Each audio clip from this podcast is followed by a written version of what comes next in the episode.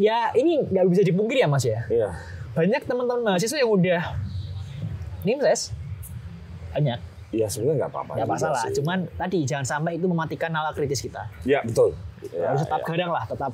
Betul. Kalau boleh tahu ngopinya di mana ya? Biar, intel-intel tahu. Silakan mampir. Biar intelnya juga tercerdaskan. tapi intel di Jogja baik-baik. Tadi itu makanya boleh jadi buzzer tapi belajar. Mungkin ada kayak perlu ada fakultas buzzer atau jurusan buzzer gitu. Biar kayak buzzer kita terliterasi lah. Literasi. Iya.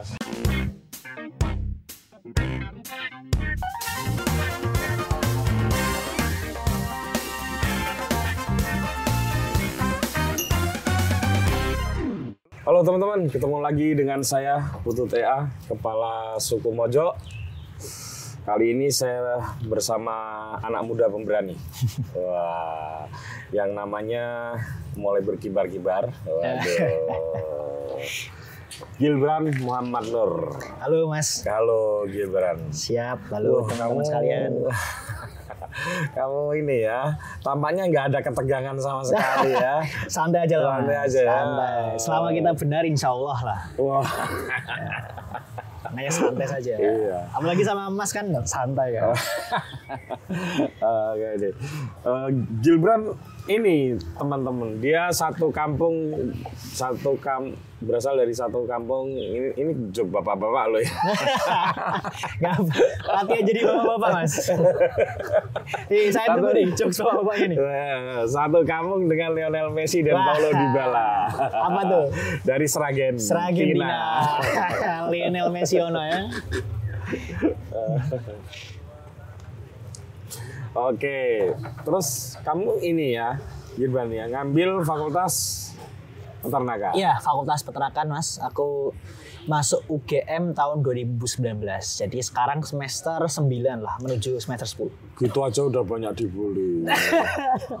Aku mbien semester berarti tujuh setengah ya, lima belas. 15. Tapi anak sekarang mah cepet-cepet ya. Iya, emang sekarang Dipercepat Mas. Eh, apa namanya emang di desain kemudian didorong untuk segera lulus dan segera mengabdi pada negara.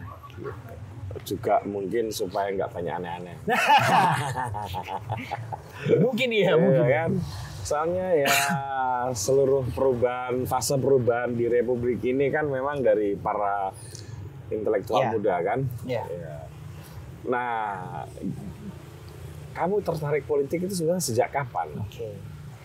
Wah ini panjang sih mas kalau cerita soal ini Hmm. mungkin konteksnya nggak cuman politik ya, tapi lebih ke organisasi. Oh, organisasi. Jadi aku emang seneng banget sama yang namanya organisasi sejak SMP sih mas. Aku di SMP sempat jadi wakil ketua osis juga.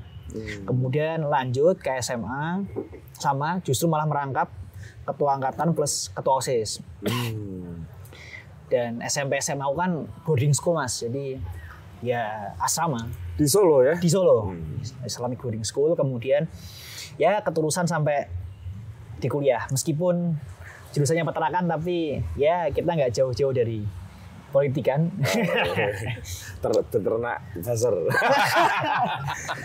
beternak bahasa Enggak, enggak, enggak, enggak. Oke, enggak sebelum itu Islamic boarding school-nya apa? Eh, majelis majelis ta- majelis tafsir Al-Quran mas Waduh, namanya agak berat ya mas berat banget. Jadi kamu bahasa Arab ngelotok ya? ya nah, dikit-dikit lah mas cuman ketika masuk ke kuliah kan udah nggak ada lagi mata pelajaran bahasa Arab kan jadi udah agak sedikit lupa lah Hmm. kosakata kosakata bahasa Arab Memang suka berorganisasi. emang suka berorganisasi Eh, kenapa dulu memilih fakultas peternakan? Eh, sebenarnya gini sih mas, aku awalnya cita-citanya mau jadi dokter sebenarnya. Nah, mau ngambil jurusan kedokteran di UNS karena eh, pertama pertimbangannya kenapa dulu cita-citanya pengen masuk ke UNS kedokteran lagi karena aku di SMA itu jadi tim Olimpiade biologi. No, kamu dia berprestasi loh. berprestasi tapi dibully prestasinya. Wah, nggak tahu prestasi dia waktu Iya. SMA tingkat internasional udah. Enggak, cuma cuma nasional doang di Nah, di SMA itu sempat memenangi beberapa kejuaraan biologi di UNS. Tiga atau empat kali lah menang di UNS. Hmm, Nah, oleh karena itu orang tuaku awalnya nyaranin ya udah sekalian aja deh ambil kedokteran di UNS gitu kan. Cuman eh, beranjak ke kelas 12 mulai berubah tuh Mas saran dari keluarga. Saya, aku ini generasi tua. Kelas 12 itu. Kelas 3 berarti- SMA. Kelas 3 Kelas SMA. 3 SMA. Nah, Kau kau kelas apa? Ngaku 13 sih? Nice. nah, Aduh, aduh, aduh. Nah, masuk kelas 3, kelas 3 SMA, orang tua nyaranin masuk ke peternakan. Kenapa? Atau ke pangan ya, Mas? Karena eh, orang tua melihat sektor yang nggak akan mati itu ya sektor eh, yang kaitannya sama makanan, itu Setuju. pertanian, perikanan, peternakan gitu kan. Setuju, setuju. Nah, terus mulai tuh nyari-nyari kira-kira selain eh, kira-kira kampusnya mana nih? Oke. Kenapa peternakan? Karena banyak kan ada daging, telur, susu. Ya itu semua dari peternakan semua. Nah, kemudian kepilih kepilih kepilih nyari nyari nyari. ada beberapa opsi sih mas, IPB, UNS, UGM. Nah keterimanya di UGM. Kalau nggak salah game itu peternakan dibedakan sama perikanan ya? Iya, peternakan dibedakan dengan FKH dan dan pertanian terpisah FK, sendiri bisa FK fakultas. itu fakultas kehutanan. Kedokteran hewan. Kedokteran hewan, Ya, beda. beda. Nggak ini yang mirip-mirip nih ya. Peternakan ada, biologi ada.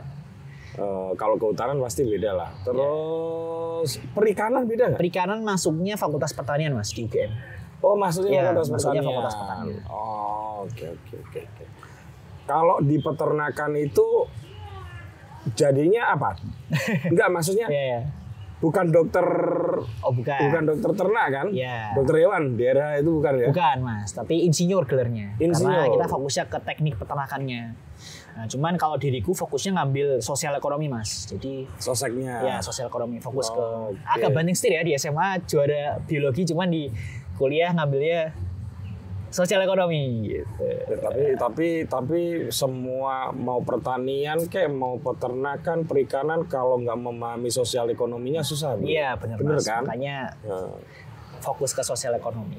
Ya, tapi ini, ini luar biasa orang tuanya dan pilihannya. Enggak, tapi saya setuju. Tantangan Indonesia bahkan Pangan, ke Mas, depan dan dunia itu adalah persoalan pangan. Ya. Nah, lalu ketika masuk UGM, gimana tuh bisa kemudian jadi ketua BEM KM ya, istilahnya Iya, sekarang ya, Iya. BEM KM UGM Iya. gitu. Nah, Gimana? panjang sih mas ceritanya. Sebenarnya eh, aku sama sekali belum pernah eh, aktif di BMKM ya mas ya, atau di BEM tingkat universitas. Eh, aku aktifnya di fakultas malahan. Jadi ikut eh, legislatifnya di fakultas, kemudian ikut di BEM fakultas juga dan sempat juga jadi koordinator ospek lah PPSMB di tingkat fakultas. Ospek awal tahun itu kan biasanya ada kan. Nah, itu jadi gue sempat jadi ketua panitianya. Dan sempat juga jadi ketua BEM fakultas di peternakan tahun kemarin 2022. Hmm, Oke, karena itu PD nyalon ya. Iya, nah akhirnya didorong oleh teman-teman ya udah sekalian mencoba. Kenapa berani mencoba? Karena ya nggak mungkin dong mas kita nyalon ketua BEM setelah kita lulus. Karena kesempatan untuk mencalonkan diri sebagai ketua BEM mungkin sekali dalam seumur hidup. Betul. Kalau tidak sekarang kapan lagi? Iya, iya. Dan aku ngincernya pengalamannya sih mas. Kalah menang tuh hal yang biasa. Cuman lebih ke ya kontestasi di tingkat universitas itu udah jadi pengalaman yang nggak bisa kita beli di mana pun. Dan itu yang perlu kita jadikan penyemangat mas. Kalau kita mau mencoba sesuatu, yakinkan aja pada diri sendiri bahwa mungkin kesempatan ini tidak akan datang kedua kalinya dan ya ingat harus berani tapi hati-hati juga. Oke, sebentar. Kalau nggak salah pemilihan BEM KM, KM itu keluarga mahasiswa Ya. ya. Ya. tingkat univ. Universitas. Itu kan pertarungannya agak keras kalau di UGM ya. Iya. Pakai pemilu raya masih. Iya pakai one man one vote. One man one vote. Iya. Wah. Nyon sewu ya. Biasanya kan yang jadi yang dari fakultas-fakultas yang Sosial besar menengah. ya, Iya, yang iya. yang jumlah mahasiswanya besar, Iya. sehingga mereka bisa mengorganisasikan para pemilihnya. Mas. nah kalau kalau cara anda itu gimana itu? Eh, apa adanya sih mas artinya eh, tadi karena diriku maju dengan niatan untuk belajar dan mencoba ya aku noting tulus artinya segala segala macam bentuk kampanye, segala macam bentuk konten yang menarik coba aku lakukan tanpa ada rasa wah ini gimana takutnya nanti timbul kontroversi atau mungkin timbul rasa ketakutan itu coba aku sisihkan. Karena tadi aku noting tulus kalah menang ya nggak masalah, Masalah gitu lah ya. Lebih enak jalan ininya Iya, lah ya. sehingga lebih ringan lah mas. Dalam Ternyata berjalan. menang. ternyata malah menang. Du- Dulu tuh kandidatnya berapa? tiga calon mas. Eh, kalau nggak usah disebut nama, kalau boleh tahu dari fakultas Nah, apa saja? Eh, ini menarik mas. Yang Iya. satu dari sekolah vokasi, Oke. yang satu dari peternakan, satu dari peternakan juga. Jadi peternakan dua calon. Ngalahin teman sendiri. ini lawan teman sendiri. Satu angkatan. Satu angkatan. Oh, keren Dan ya. kebetulan yang bersangkutan juga jadi jadi fungsionarisku ketika di BEM Fakultas Peternakan. Oh, justru kayak fakultas sastra dan budaya nggak ada yang ngajuin. Kebetulan nggak ada. Sospol nggak ada. Juga nggak ada. Oh. Ya, Anda diuntungkan oleh situasi juga itu. Mungkin ya. Sehingga dimenangkan. Oke. Nah, waktu kampanye, kalau zaman saya dulu kan ada program, Oh, ya. program yang dikampanyekan ke mahasiswa. Kenapa Anda harus milih saya? Sebaiknya milih saya gitu. Ya. Apa program Anda dulu? Ada beberapa sih mas. Eh, yang paling jadi gong adalah karena gini, kita ingin me- menjadikan eh, kampus itu sebagai sarana intelektualisasi demokrasi. Wah. Artinya apa mas? Kalau kita berkaca dari pemilu-pemilu sebelumnya, kebetulan aku sempat ikut pemilu juga 2019. Jadi aku milih pertama kali itu 2019. Oh, maksudnya ini pemilu pilpres pilek? Iya, Ya, pilpres, Oke. Saat itu aku sadar betul mas, kayaknya kok pemilu di Indonesia itu jauh banget dari kata intelektual. Banyak banget baliho besar tapi gagasannya kecil. Ya kan mas? Nah, ininya banyak tuh calon-calon yang memaparkan berbagai macam pose mulai Sekarang dari juga masih. Ya, kepalan tangan nasionalis sampai ragam busana islami semua dipaparkan ya. Betul, Nah, betul. Nah kadang aku mikir mas, ini kayaknya ada yang kurang nih. Dari baliho besar itu kok tidak kelihatan apa yang mau dibawa.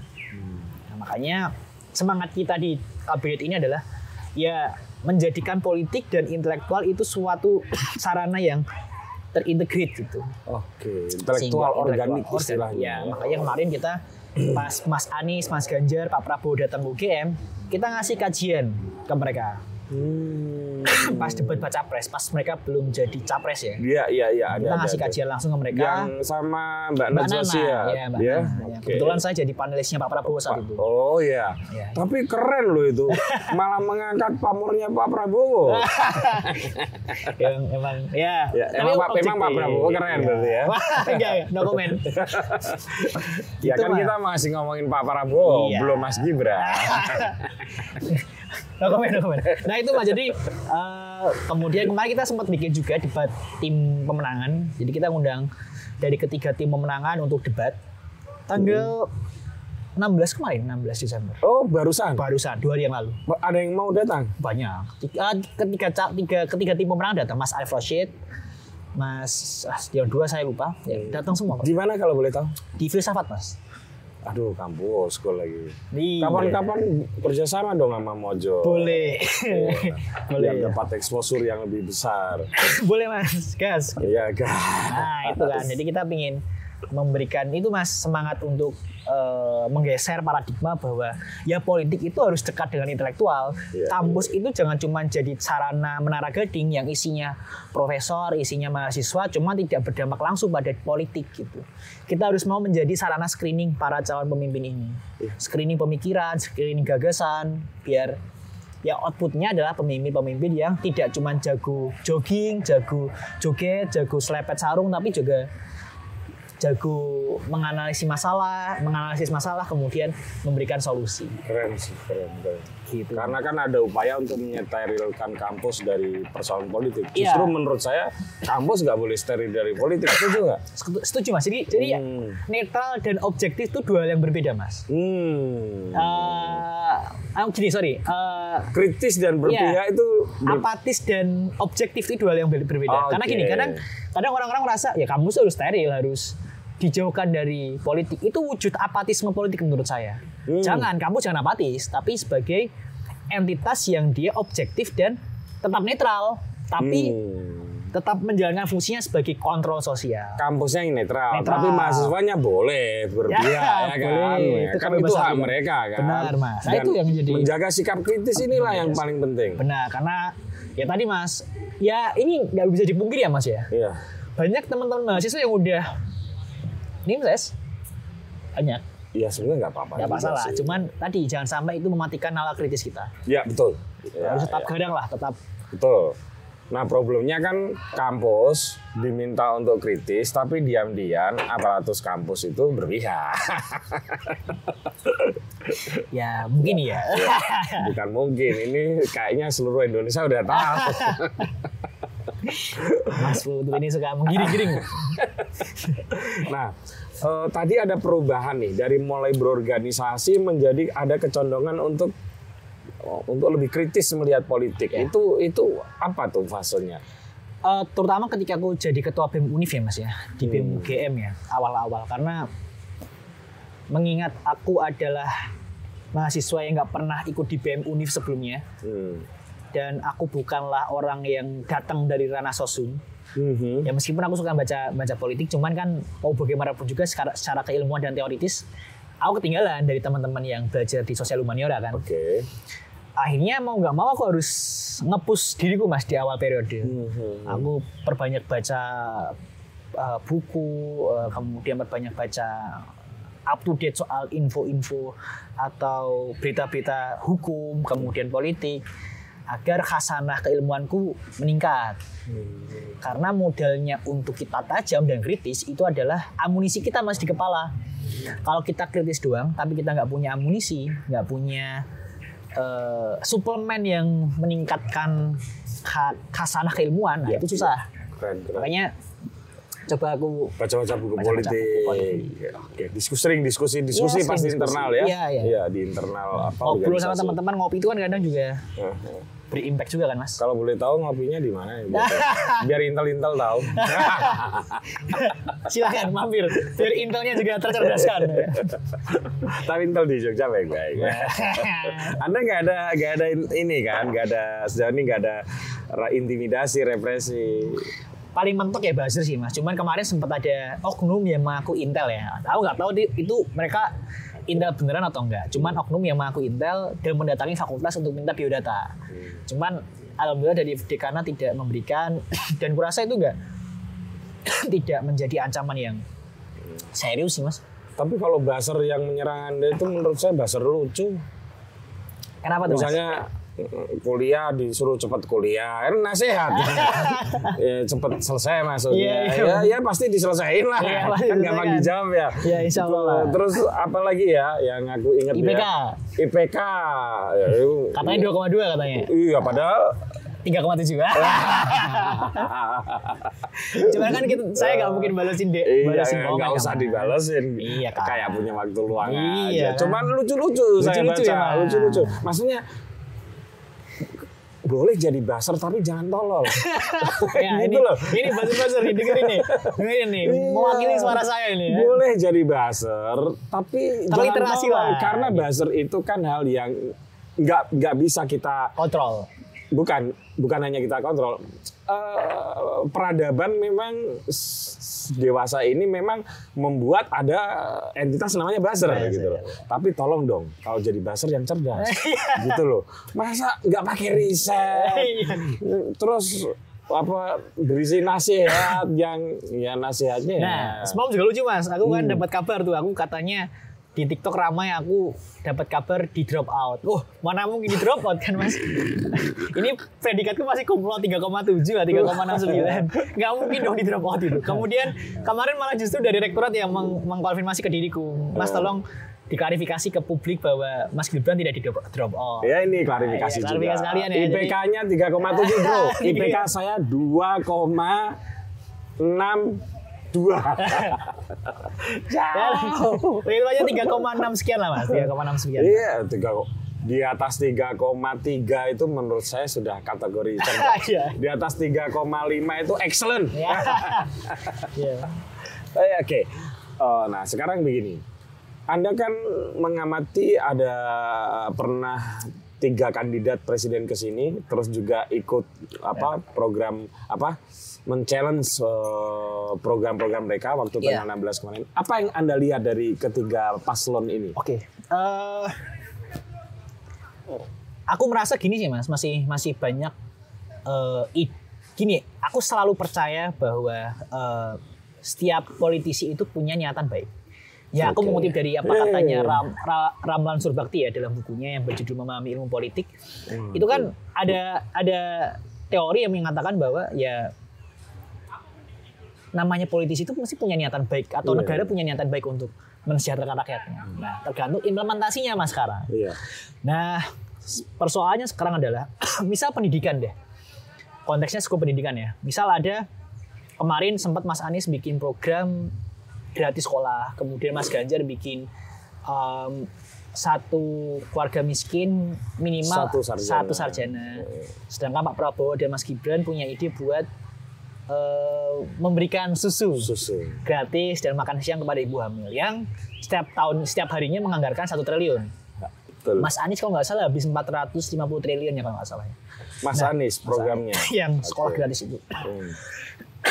Baru aja tadi sebelum ke sini diriku baca Hmm. tulisannya Tempo yang kaitannya sama menelisik kurang realistisnya program kerja mereka dalam konteks pendidikan ketiga calon ini. Ketika dilihat dari postur anggaran. Ya, Ah, iya, memang nggak masuk karena akal. karena gini kalau kritiknya yang kukutip dari Tempo itu adalah masalahnya sekarang bukan soal eh, apa namanya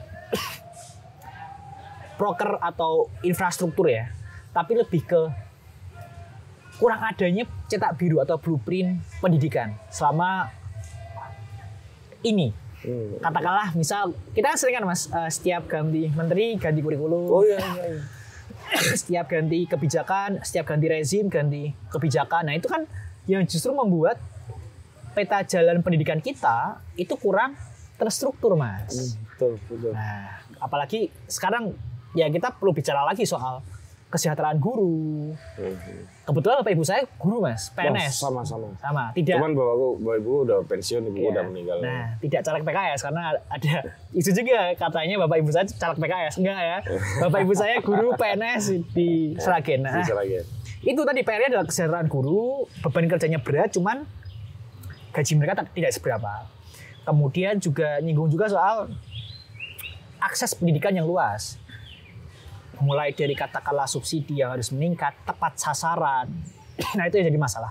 Tidak menambah program kerja yang membebani anggaran. Aku takut gini sih mas, Mhm. takutnya program kerja itu cuma dijadikan alat untuk mendulang suara elektoral. Betul, betul. Nah, tidak ada Dengan eh, janji-janji tidak iya ya. masuk akal. Nah, tidak ada atau belum ada secara lebih rigid dan konkret apa sih eh, detail implementasi dari program kerja yang mereka tawarkan. Itu, Mas. Hmm. Hampir semuanya masih kayak gitu ya. Hampir semuanya kayak gitu. Oke. Nah, terus kemarin itu Anda bikin heboh seluruh jajaran UGM berserta seluruh alumninya ya kan, yang membuat Anda dibully itu ya dan seluruh Indonesia karena menobatkan sebetulnya bukan Anda ya, tapi BMKM ya. Ya, BMKM UGM menobatkan Jokowi. Jokowi sebagai Alumnus paling memalukan. alumnus paling memalukan. Kondel tenan itu. Kondel tenan. Tidak terpikirkan. Sejauh ini ini yang paling jauh. Ya. Sejauh ini ini yang paling jauh. Eh, di Gejayan memanggil itu kita masih fokus di RUU apa KPK Ya. Omnibus Law. Ini udah langsung wah sasaran tembaknya Ya. Presiden Jokowi. Headshot ya. Kenapa? Gini mas, eh, kita merasa bahwa mau bagaimanapun juga Pak Jokowi itu adalah kakak kami, satu Sih, alumni, ya kan mas? iya, Sama mas juga kakak saya, Eh, pun dengan alumni-alumni yang lain, Iya, kakak kita. Sehingga apa? Kita satu keluarga mas. Hmm. Hal yang wajar ketika satu keluarga itu saling mengingatkan. Hmm. Kayak misal ini eh, konteksnya Pak Jokowi ini. Apakah saya dan teman-teman BEM secara personal membenci Pak Jokowi? Tidak. Justru ini adalah wujud kesayangan kami kepada beliau Pak Jokowi. Karena apa? Oh, ngono. tapi kok predikatnya Nah, memalukan. itu wujud, ya. Gimana wujud tuh, gimana? kami memperingatkan beliau wujud kasih sayang kami kan ada tuh mas yang eh, satu keluarga itu kan wujud kasih sayangnya dengan memarahi. Oh, Ada. oke oke oke. Karena apa mas? Ini udah menurut kami itu sudah sudah tidak dapat ditolerir. Apa yang tidak bisa ditolerir dari Presiden Jokowi?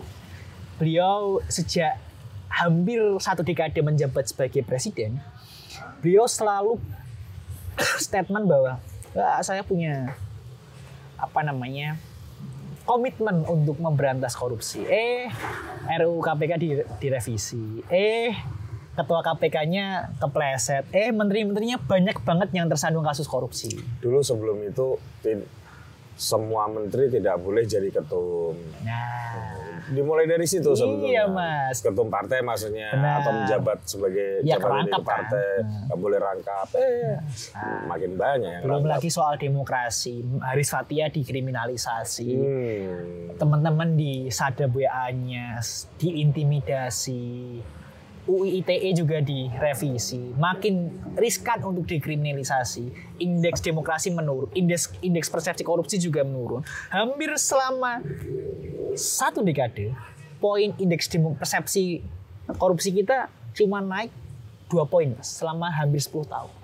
Oke. Nah itu kan wu- wujud. Nah apalagi ditambah kemarin ramai sekali soal konstitusi. Iya. Gini mas, kita tidak mempermasalahkan Mas Gibran mencalonkan diri. Karena apa? Setiap orang di demokrasi itu berhak untuk dipilih dan memilih, ya kan mas? Hmm. Tapi ya mbak tolong jangan mengubah suatu konstitusi hanya untuk satu orang. gitu. Putusan MK MK kemarin yang membuat hampir semua MK diketok palu bersalah itu udah jadi bukti empiris mas. Ada intervensi ke MK, Iya, ada tidak ke objektivitasan antara adik iparnya Jokowi, Pak Iya, iya, Anwar Usman sebagai ketua MK. Ada. Setidaknya logis orang untuk punya asumsi itu karena dari dari dari cara penalarannya memungkinkan kita untuk me- membuat kesimpulan seperti itu. Iya. Ya kan? Iya itu yang ah ini nampaknya sudah tidak bisa ditolerir dan lagi kita sebagai keluarga alumni sebagai sesama keluarga UGM ya mengingatkan beliau lah sebagai alumnus juga. Biar Pak tolonglah on the track. Mau bagaimanapun juga nama UGM ada di pundak Bapak. Hmm. akhirnya kita melabeli beliau sebagai yes alumnus UGM paling memalukan. Tapi kenapa tidak dilihat juga keberhasilan Presiden Jokowi yang lain? Sehingga bisa menurunkan predikatnya tidak sampai ke tahap memalukan. Misalnya pembangunan infrastruktur, menjaga inflasi, Iya. bagi-bagi sembako. Saya pulang dulu ya mas. nah, riskan ini mas butut ini. Riskan, riskan, riskan. Tapi saya suka, saya suka. Nah, eh, ya mungkin itu jadi salah satu. Kita tetap objektif ya mas. Kita mengakui bahwa Pak Jokowi lah presiden yang paling memperhatikan timur. Pak Jokowi lah yang paling memperhatikan infrastruktur meskipun utang ke China, Hmm. kemudian bikin kereta cepat yang rencana mau bikin kereta cepat Jakarta Surabaya yang per kilometernya harganya satu triliun. yang harusnya tidak pakai APBN. Iya, bikin IKN yang ratusan triliun, yang katanya sebagian persen cuma pakai APBN, ternyata sekarang banyak yang belum dapat sponsor IKN-nya. Jadi eh, ya tentu setiap pemimpin punya plus minus. Dan ini adalah wujud kami untuk memberikan kritik kepada beliau. Hmm. Hmm. Kita tidak menafikan, oh Pak Jokowi keren kok dalam konteks pembangunan infrastruktur, oh keren kok dalam eh, katakanlah eh, ya pembangunan infrastruktur ya yang paling kelihatan. Tapi kita coba menelisik yang lain, HAM.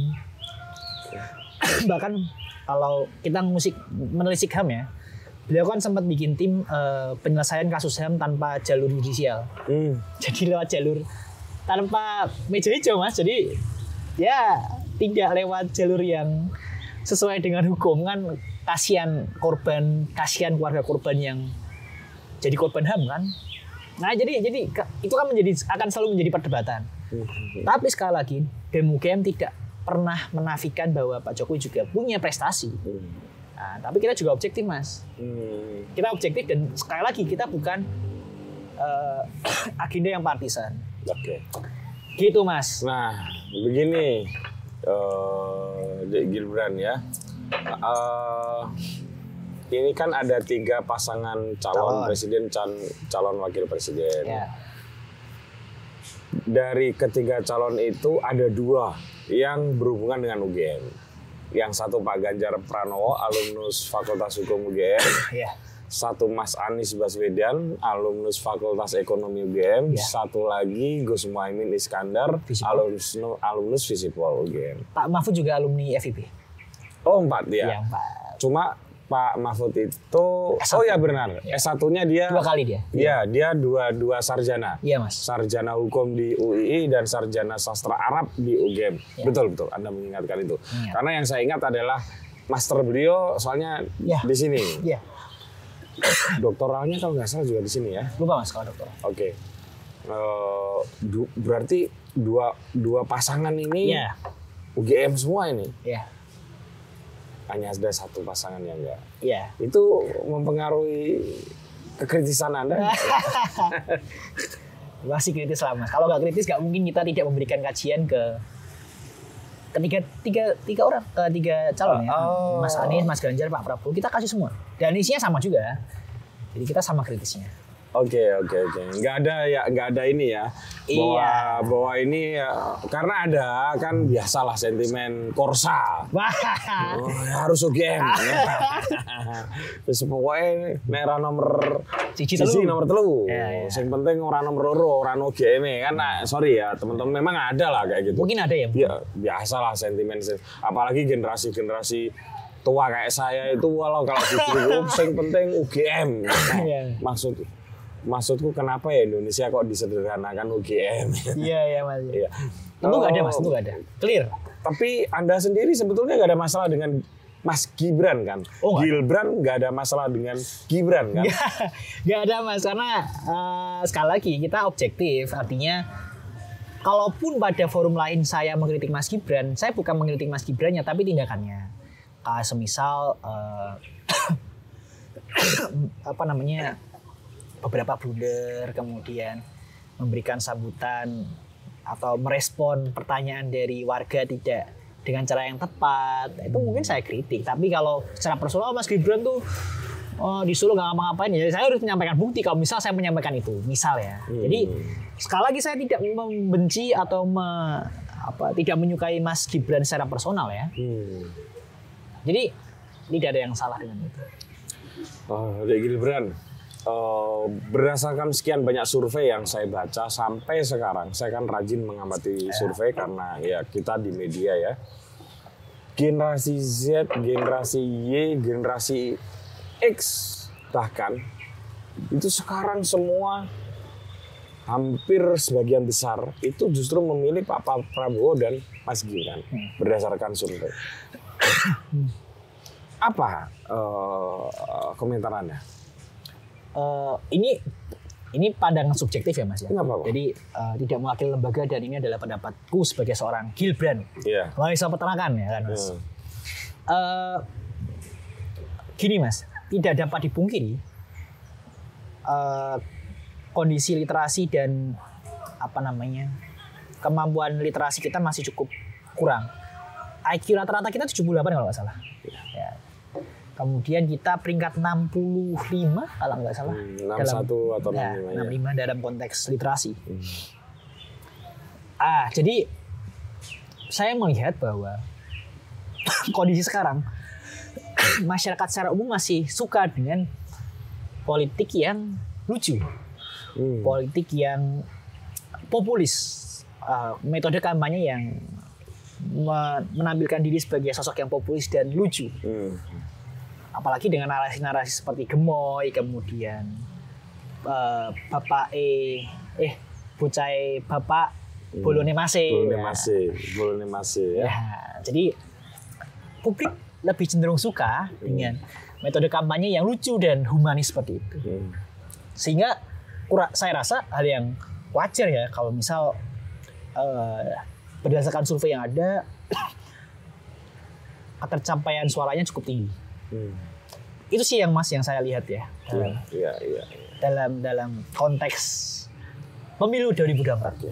Kalau plus minusnya ini, menurut Anda setiap eh, masing-masing calon itu menurut Anda apa? Kalau Plusnya dulu deh. oh, plusnya ya. Ya. Dari nomor satu, Nomor satu Mas Anies dan Caimin. Caimin saya rasa eh, mereka berdua komposisinya tepat, komposisinya tepat mas. Eh, mas Anies yang cukup serius dan intelektual. Eh, ya beliau lulusan US, kemudian sempat jadi direktur juga kan, menteri juga.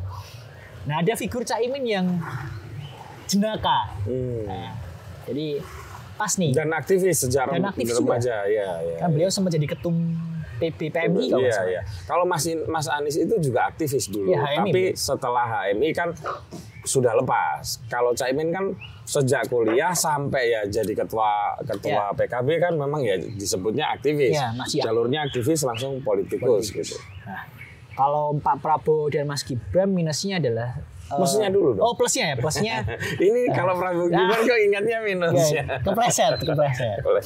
Kalau Pak Prabowo dan Mas Gibran itu saya rasa metode kampanye sangat populis. Hmm. Jadi orang secara umum lebih suka ya dengan figur yang lucu, kemudian asik. Terlebih Pak Prabowo ini, terutama Pak Prabowo ya, yang dari 2014 dan 2019 kan difigurkan sebagai orang yang tegas, orang yang cukup kental dengan militernya. Ke 2024 ini beliau coba untuk menambal itu dengan cara yang lebih soft, lebih jenaka gitu. Oke. Itu plusnya ya. Plusnya Mas Ganjar, Pak Mahfud. Ini saya rasa juga perwujudan yang unik ya Mas ya. Mas Ganjar itu dia emang tokoh nasionalis, backgroundnya sebagai eh, politisi PDIP ya, Iya. dari Itu juga dari mahasiswa, Mahasiswa, kan? GMNI ya. Prof Mahfud yang kalau kata Gus Dur peluru yang tidak bisa dikendalikan. Artinya ya terobos apa pun selama benar terobos sikat terus. Iya. Dan beliau kan lahir dari rahim NU kan, Nad- Nadlin juga beliau. Sehingga kombinasi yang pas lah. Nah itu plusnya. Kalau minusnya ya Mas Mas Anies dan Cak Imin, saya rasa metode kampanyenya kurang kurang terpopuli ter anu ya, ter populiskan. Hmm. Ya meskipun udah ada Cak Imin di situ ya. Karena figurnya Mas Anies itu Kurang bisa dipahami masyarakat iya, bawah iya, ya. Iya, sangat Hmm. intelektual. Jadi Hmm. eh, apa namanya? Mungkin eh, akar rumput tidak semuanya bisa memahami dan Iya. mengerti apa yang dimaksud oleh Iya, iya, iya. Mas Anies. Ya, betul. Kalau Pak Prabowo minusnya adalah tadi saya melihat eh, kemasannya cukup menarik, cuman kurang ada isi dalam kemasan itu.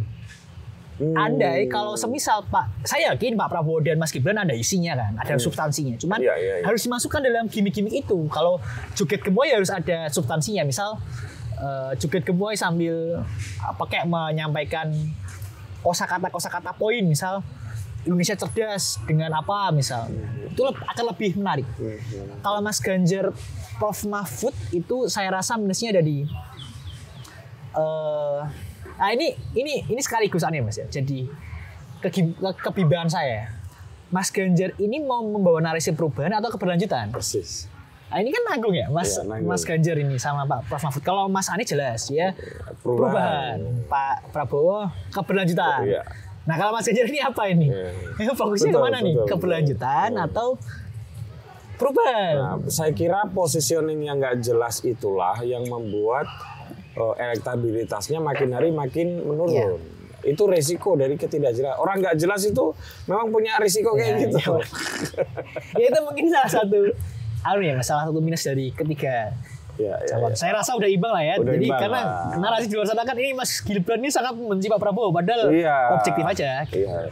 Dan dia yang diserang bukan calon loh. Bukan. Ini saya ingatkan teman-teman ya, B. Gilbran ini dan kawan-kawannya di BMKM UGM itu tidak menyerang paslon, Kan. Bahkan memfasilitasi. Iya. Yang dia dan kawan-kawannya serang adalah Presiden Jokowi. Ya, itu beda loh ya. Beda. Beda. Beda dua hal yang s- beda. Meskipun anaknya Pak Jokowi nyalon. Nyalon ya, tapi kan urusannya ini dia urusannya dengan Presiden Jokowi. Nah, ini yang perlu dipahamkan gitu. Ya, gitu kan. Nah, supaya tadi itu seolah-olah BEM BMKM UGM sudah terinfiltrasi untuk membenci Prabowo. Ya. Enggak. Ya. Ya, saya juga melihatnya ini orang-orang salah nih mikirnya gitu.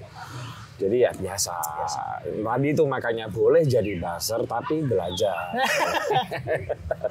Mungkin ada kayak perlu ada fakultas buzzer atau jurusan buzzer gitu. Biar kayak buzzer kita terliterasi lah. Terliterasi. Iya. Nah, tadi Anda bilang ada ada semacam paper atau hasil analisis atau hasil kajian. Eh, kalau boleh tahu apa isinya? Yang oh yang, diberikan oke. ke ini kan penting nih disampaikan Iya, iya. ke publik. Uh, di kajian itu kita membahas banyak aspek mas. Hmm. Kayak misal lingkungan, kemudian pendidikan, ekonomi, ba- berbagai macam sektor. Nah, isi kajian itu tidak hanya sebatas mengkritisi kayak misal, oh ini pendidikannya mahal, oh ini eh, lingkungannya rusak, enggak. Tapi kita lebih ke memberikan perspektif kita sebagai anak muda, sekaligus memberikan masukan barangkali kalau ada. Nah itu yang jadi jadi jadi isinya ya mas ya. Sama kita lebih fokus pada semangatnya juga. Kita pingin menjadi BEM, pingin menjadi entitas kemahasiswaan yang dia based on intellectualism, berdasarkan Oke. intelektual. Artinya kalau kita misal mau mengkritik, kalau misal kita mau membuat sebuah gerakan, yaitu harus based on data, based on kajian. Nah, itu lebih ke semangatnya untuk menintelektualisasikan demokrasi. Menarik, menarik, menarik. Karena Gitu, Mas. mungkin itu perlu sesi khusus ya untuk membedah Hmm. uh, hasil kajian Anda ya. Panjang tuh, Mas. Panjang tuh pasti. Karena eh, tidak sebelum ini itu LMND ya, lembaga yang Oh. saya dirikan itu juga merilis satu kajian tapi khusus pendidikan. Oh. Nah, khusus pendidikan. Jadi konsep pendidikan menurut mereka yang benar itu begini. Seperti Saya apa? kira makin hari sebetulnya dinamika organisasi mahasiswa ini apa pun itu ekstra atau intra itu makin menarik karena berbasiskan kajian, Kajian. gitu. Oke itu itu. Nah tapi Dek Gilbran nggak usah disebut nama. Sebenarnya udah punya preferensi mau memilih siapa? Iya ya.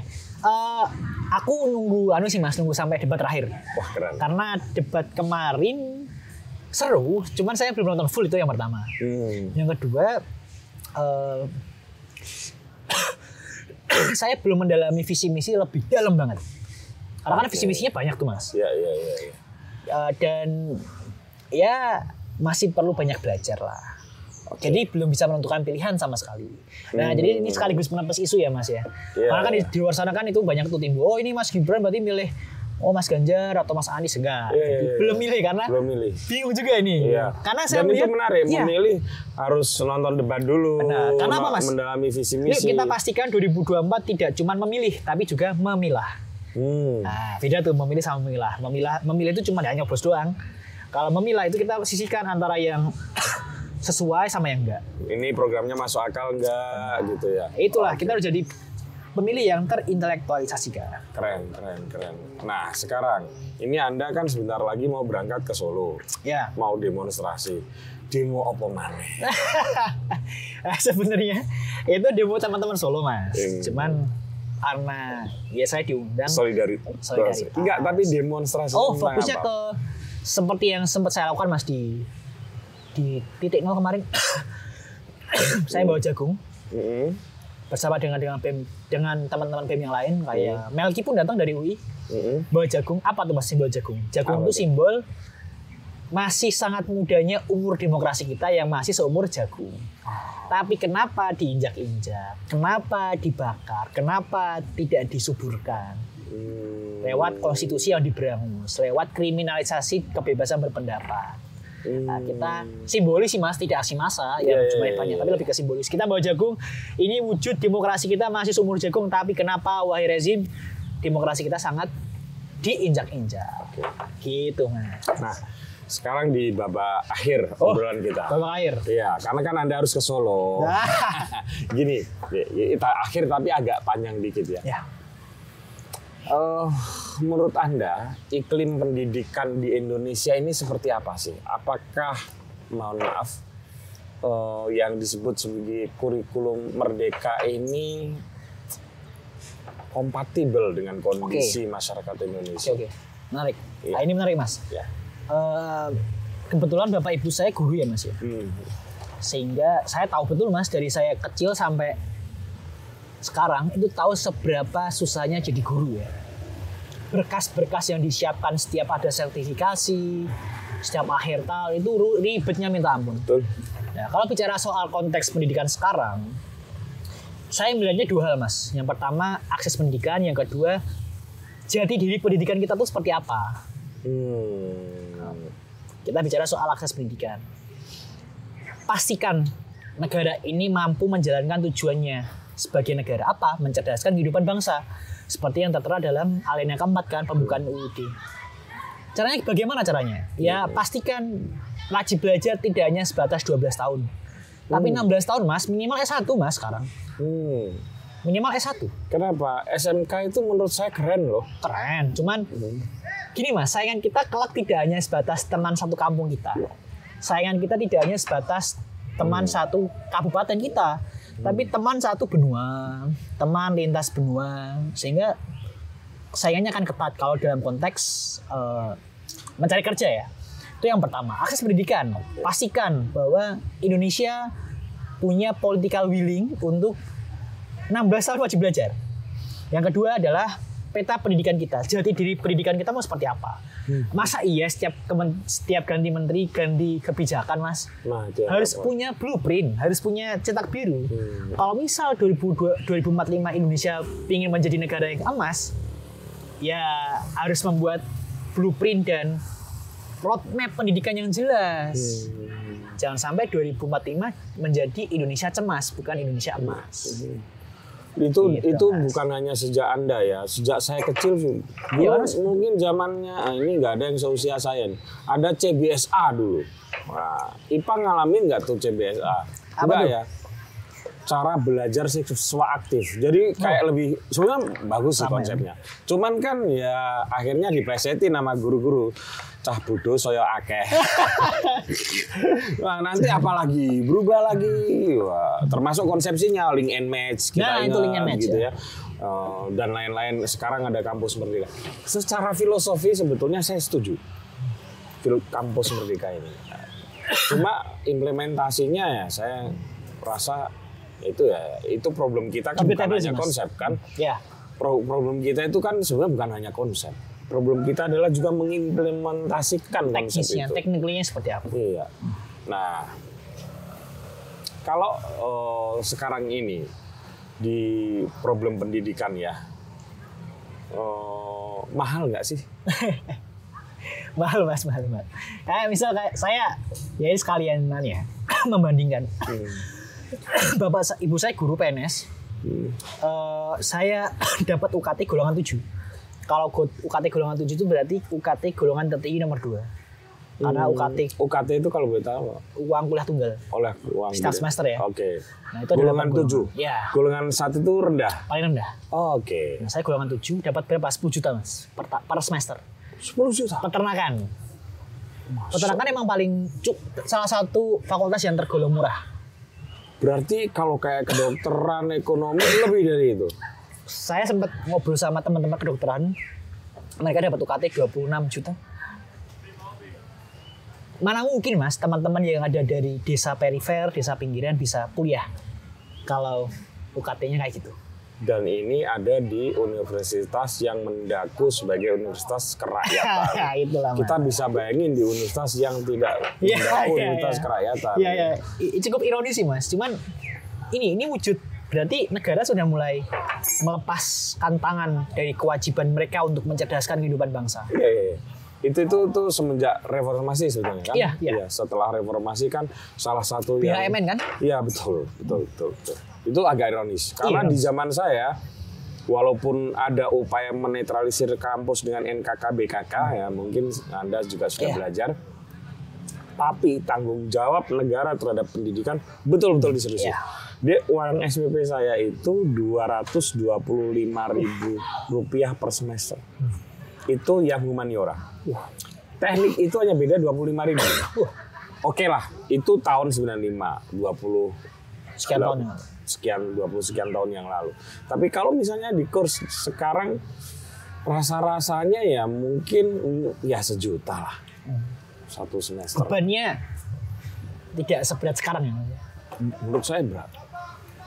Sehingga kadang-kadang untuk bahkan untuk orang tua kelas kelas menengah yang seperti saya ya membayangkan 10 tahun lagi anak saya kuliah itu kan pikirannya juga terbebani deh.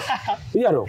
Iya, iya. Kalau sekarang aja peternakan segitu, mungkin 10 tahun lagi ketika anak saya kuliah sudah bisa 20 juta atau 30 juta gitu.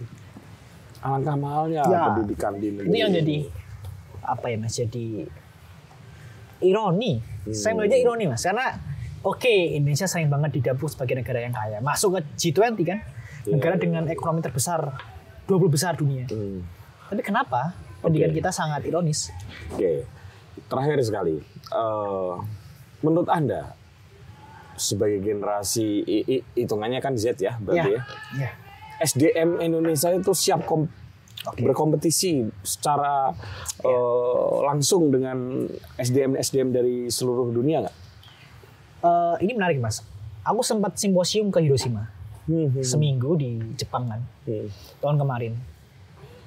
Eh, dan di situ aku tahu betul bahwa emang memang memang SDM kita perlu untuk berlari. Hmm. Kalau dibandingkan dengan Jepang ya konteksnya yang aku lihat secara secara langsung Hmm. selama seminggu meskipun nggak betah di sana karena bahasanya Jepang semua pusing.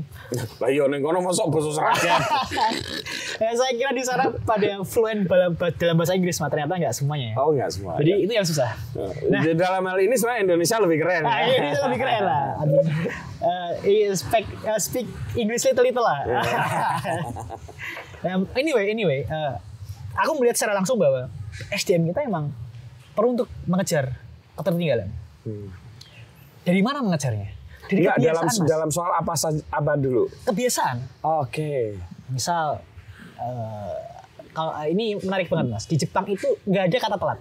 Hmm. Sembil, eh, misal saya agenda jam 9 di Jepang, jam 9, kur- 9 kurang 5 itu semua orang udah di Hmm. ruangan. Iya, iya, iya. Mereka iya. on time. Ya, sehingga mereka- kata telat itu nggak ada. Nggak ada sehingga apa? Semua efektif. Oke. Belajar ya efektif, kerja juga efektif, Iya, iya. istirahat juga efektif sehingga apa yang mereka lakukan terstruktur dan hasilnya efektif. Kalau kita kan kerja 8 jam yang 70 persennya ngobrol, Hmm. 70 70 persennya sambil mabar, Mobile Legend misal. I- itu itu. Meskipun aku juga pernah melakukan itu, cuman setelah pulang di Jepang dari Jepang saya merasa wah ini kayaknya perlu ada perubahan nih mas. Oke. Bukan bukan dari dari bagaimana ya eh, memang perlu ya mas eh, peningkatan gizi ya, tapi lebih ke minimal kita punya ada kita punya kebiasaan Hmm. yang itu mewujudkan atau merepresentasikan kita sebagai individu yang juara gitu, jawara. Nah, harus kerja keras, nggak mau instan. Wah, ya kalau punya jabatan yang selesaikan, nah masa dua tahun langsung pindah jabatan, misal, misal. Kemudian eh, ya ya jangan instan-instan ya, lah. ya. Itu itu yang jadi. Ini ini ini ini saya kira keren ini. Karena dari tadi berarti kita bisa melihat perspektifnya di Gilbert ini menurut saya bagus. Dia dan kawan-kawannya, terutama dia yang karena saya wawancara, dia juga bisa melakukan self self criticism. Iya. Iya, dia ngerti kelemahannya, kelemahan generasinya apa. Artinya nggak hanya sekadar keluar mengkritik Presiden Jokowi gitu. Oh, bagus itu. ya. Nah, rencana setelah lulus mau jadi Ah. politikus atau jadi wali kota Solo nganggur loh mungkin. Waduh, Nggak, maksudnya masih ada bolong. Ada ada kemungkinan lah jadi. Iya iya ada ada. ada. Yang penting jangan lewat bantuan paman ya mas. Eh, omset omset omset. ya oke apa ya. Eh, saya tuh punya cita-cita lanjut S2 mas.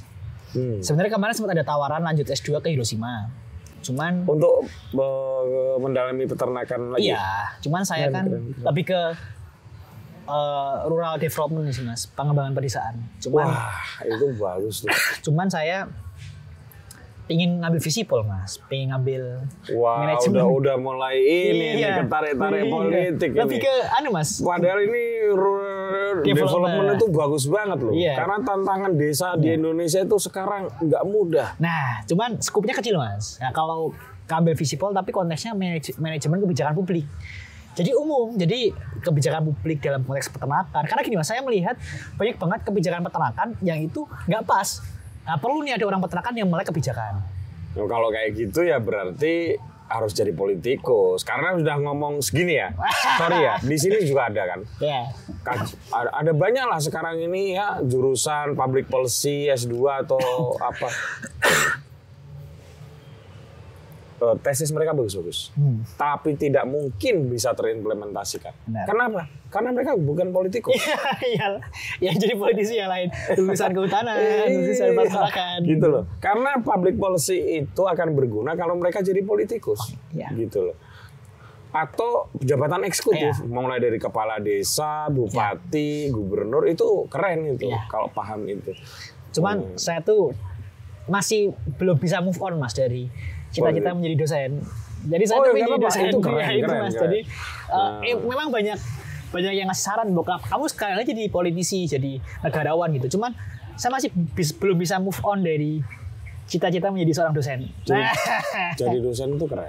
iya sih mas ya. Karena kan Anda juga secara genealogi, Hmm. Bapak Ibu, Bapak Ibu saya guru. Iya, Cita-cita Bapak Ibu saya juga anak saya jadi guru.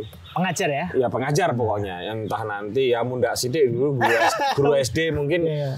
pas saya guru SMP atau guru SMA, syukur jadi dosen, tapi tapi nggak bisa dilalui. Tapi pada dasarnya di diri saya, saya ini lebih seorang pengajar, Iya. gitu. Dengan dengan ca- cara-cara lain lah, entah Ya. ngisi workshop, entah apa, cara berteman saya juga cara berteman yang paradigmanya Ya. adalah pengajaran Ya. gitu. Eh, Saya kira keren, makanya nggak salah kalau Mas Gibran juga jadinya politikus, karena bapaknya presiden. Aduh, aduh. Saya pulang dulu.